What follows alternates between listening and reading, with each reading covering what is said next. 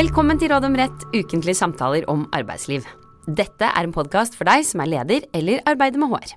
Mitt navn er Ragnhild Nakling, jeg sitter her med Siri Falk Olsen som vanlig, men i dag har vi også med oss en kollega som også er advokat og partner i advokatfirmaet Reder, Anne Kristine Vettre.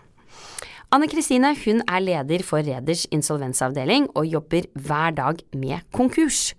Og temaet for dagens episode, det er også et konkurs slash arbeidsrettstema, virksomhetsoverdragelse ved konkurs.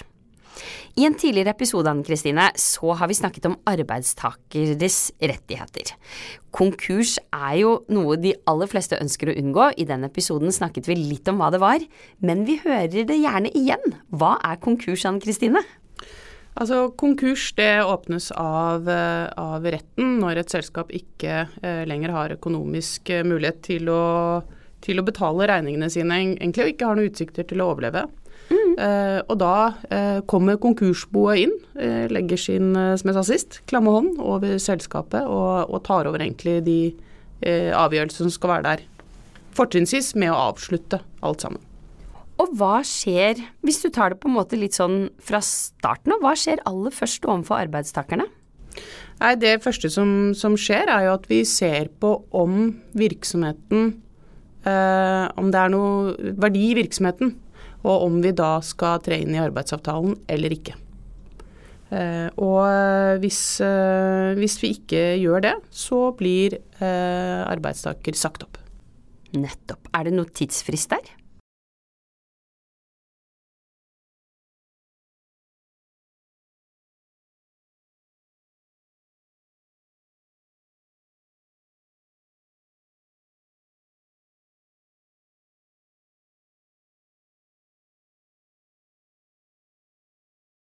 Nettopp. Og da er vel tanken litt at når et selskap går konkurs, så er det jo fordi, nettopp som du var inne på, Anne Kristine, at det, man anser altså at det ikke er grunnlag for å drive videre på samme, møte, samme måte som før. Da, det er jo et klart tegn på at driften ikke har vært økonomisk bærekraftig. Men betyr det at eh, virksomheten i selskapet og de arbeidsplassene som finnes der, ikke står Altså det er ikke mulig å redde de i en sånn situasjon? Nei, ikke nødvendigvis. Eh, det kan være flere grunner til at eh, virksomheter eh, går konkurs. Det kan ha vært at man har bygd seg opp en stor gjeld over lang periode. Man har kanskje en leiekontrakt man ikke kommer ut av, eller det kan være andre, andre forhold. Og så kan det være at andre selskaper kan se det som attraktivt å ta over virksomheten. For de kan kanskje putte den inn i sin virksomhet, eller drive den videre. Og når du sier putte det inn i sin virksomhet, så i hvert fall for oss fra arbeidsrettens verden, så tenker vi jo da fort på virksomhetsoverdragelse. Vi skal snakke i hvert fall om det i en senere episode, Siri. Vi jobber veldig mye med det begge to. Og der har jo arbeidsmiljøloven et eget kapittel om arbeidstakeres rettigheter ved virksomhetsoverdragelse. Men så er det jo mye da som endrer seg ved en konkurs. Det er mange regler som ikke gjelder lenger.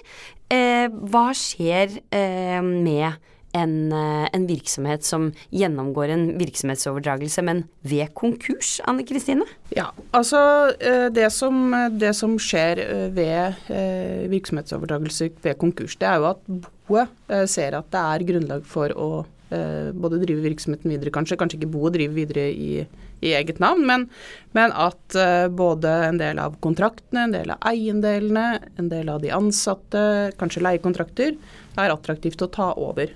Og da skjer det en virksomhetsoverdragelse, men eh, alt som er av vern, mer eller mindre, i arbeidsmiljøloven, har falt bort. F.eks. stillingsvernet, altså forbudet mot å bli sagt opp pga. en virksomhetsoverdragelse. Det gjelder ikke ved konkurs, stemmer det? Er, det? det er korrekt. Mm. Eh, den som ønsker å kjøpe virksomheten fra konkursboet, står egentlig fritt til å velge, eller cherry-picking som det heter, eh, akkurat hvilke ansatte man har lyst til å ta med videre. Og det står jo da i veldig sånn klar motstrid til hva som ellers gjelder ved en virksomhetsoverdragelse, hvor kanskje noe av det aller viktigste eh, ved en virksomhetsoverdragelse, det er at man ikke kan si opp ansatte pga. at de blir virksomhetsoverdratt. Men ved konkurs, som du sier Anne Kristine, da gjelder ikke det. Ja, det er riktig. Eh, det henger jo sammen med at i utgangspunktet ved konkurs, så er jo arbeidsplassen i utgangspunktet tapt.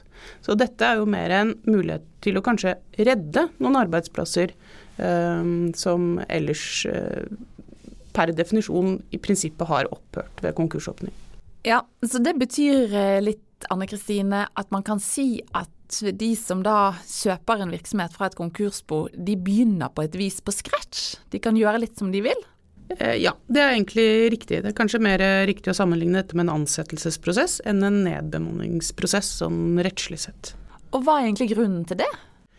Nei, En av grunnene er jo at det skal være enklere for konkursboet å faktisk få solgt eh, virksomheten videre. Det er jo en høy risiko, åpenbart, når et selskap har gått konkurs. Det er jo si, mest ultimate beviset på at dette ikke gikk så veldig bra. Og da ville kanskje den risikoen blitt veldig høy, hvis man måtte, en potensielt kjøper ikke kunne få gjort de endringene som var mulig i driften for å få, for å få fortsatt virksomheten videre. Ja, Siri var jo inne på at et av grunntrekkene ved reglene om virksomhetsoverdragelser er jo dette forbudet mot å bli sagt opp pga. virksomhetsoverdragelsen. Et annet hovedtrekk som i hvert fall vi er kjent med fra arbeidsrettens verden, da, det er jo denne retten til å beholde eksisterende lønns- og arbeidsvilkår etter virksomhetsoverdragelsen. Hva med den retten i forbindelse med konkurs? Nei, Den retten faller også bort, og den faller også bort virksomhet, ved virksomhetsoverdragelse fra konkursbo. Nettopp. Men er det noen rettigheter arbeidstakerne beholder da, etter disse reglene om virksomhetsoverdragelse? Ja, de beholder jo fortrinnsretten til ny ansettelse i virksomheten. Eh, som står da i arbeidsmiljøloven 14-2. Mm.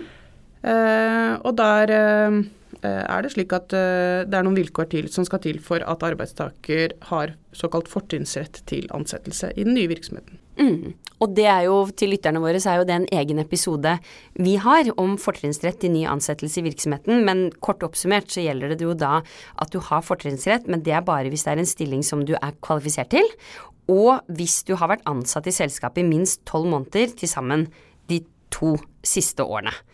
Um, I tillegg til noen, noen, andre vilkår, da. Men, men uh, det er jo én viktig, hva skal vi si Ann Kristine, kanskje ikke forskjell der, men det er, en, det er en forutsetning for at denne fortrinnsretten skal gjelde da, ved konkurs. Hva er det? Nei, det er jo at uh, virksomheten uh, drives videre. Altså at man må egentlig si at den nye virksomheten er en slags fortsettelse av den opprinnelige virksomheten. Så hvis den virksomheten som drives videre av det selskapet som kjøpte eh, virksomheten etter konkursen drives videre i en litt annen form, så gjelder ikke fortrinnsretten for de ansatte lenger. Ja, så da snakker man om en videreføring eh, på samme måte som før, da, litt enkelt sagt, for at fortrinnsretten skal være der. Ja, i de absolutt store vesentlige Ja. Forenkler, her forenkler vi sikkert litt, men hvis det da har skjedd en videreføring av den opprinnelige virksomheten, og de andre vilkårene eh, er oppfylt, vil da altså arbeidstakeren, eller da i dette tilfellet vil det jo være som en jobbsøker, være sikret ny jobb? Vil man da få jobb i den videreførte virksomheten? Ja, altså I utgangspunktet så, så skal du jo det. Uh, og, og, det ser vi også mange ganger er tilfellet, at man velger å ta med seg en del ansatte. Uh, men, uh, men, man må ikke ta med seg alle. Men de som da man velger å ta med seg, de har fortrinnsrett til til eh, stilling. Ja, men, men, eh, hva hvis det er flere om beinet? Det er mange som har krav på samme type stilling, fortrinnsrett til samme type stilling. Hva gjør arbeidsgiver da? Nei, og I utgangspunktet så plikter de jo å følge de reglene som gjelder ved nedbemanning. Bortsett fra ved konkurs. Da, da kan man egentlig velge eh, de man vil. Så der er det også en unntaksregel fra utgangspunktet? Det er riktig. Jeg skjønner er det Det er jo mange regler på arbeidsrettens område, også når det gjelder da ansettelser, f.eks. Er, eh, er det noen av de reglene du tenker at man skal være eh, obs på da, i, i, denne sammenheng? For man, hvis man er et konkursbo som driver videre og skal ansette? Ja, eller man er en, eh, en, virksomhet som ønsker å kjøpe noe fra et konkursbo. Det er veldig sjelden. Vi driver veldig lenge altså, det må jeg si. Det, er det lengste vi har drevet noensinne er 14 dager. Og da drev vi veldig lenge. Nei, det man jo alltid må huske på, det er jo at, eh, at diskriminering, det har man jo ikke lov til å drive med i Norge på generell basis. Ei heller når man kjøper eh, en virksomhet fra et konkursbo og skal velge ut noen ansatte. Så alder, kjønn og etnisitet, det må du rett og slett ikke bruke som et utvelgelseskriterium. Ja, og det er jo viktig å huske, selv om du, som du var inne på, Anne Kristine, at det ikke er så ofte dere faktisk driver videre så lenge. Men hvis man går bitte litt tilbake, denne retten konkursboet har til å si opp ansatte, gjelder jo i tillegg til retten konkursboet har til å ikke tre inn i arbeidsavtalene fra starten av.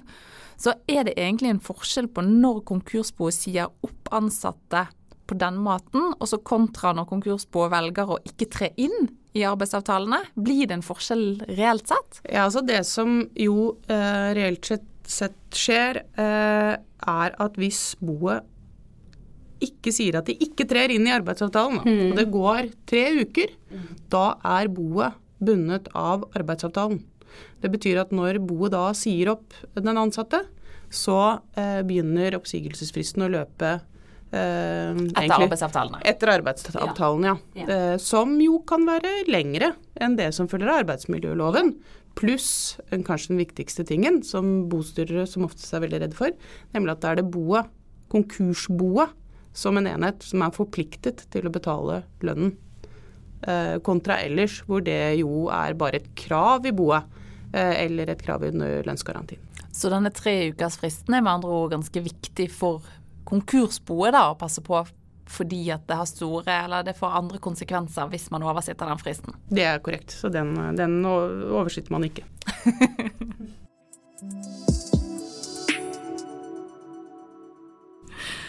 ok, for å avslutte og runde av litt da, Anne Kristine. Hva tenker du er tre viktige ting som man bør vite om eh, arbeidstakers stilling ved en virksomhetsoverdragelse fra et konkursbo. Kan du oppsummere? Ja, Det første er jo egentlig at uh, arbeidstakers rett til å være med, den er helt bortfalt. Så man har ikke noe rett til å, være uh, med i det hele tatt. Oppsigelsen den begrunnes i virksomhetens uh, forhold. Ehm, og man har ikke rett på å beholde samme lønn og andre, andre arbeidsvilkår. Eh, men man har rett til å bli prioritert for ny ansettelse i virksomheten hvis visse vilkår er oppfylt. Eh, og så må man jo som alltid ikke diskriminere. Ei heller ved konkurs. Det var det vi hadde. Takk til deg, Anne Kristine, og takk for i dag. Vi kommer tilbake med nytt tema og nye tips i neste episode.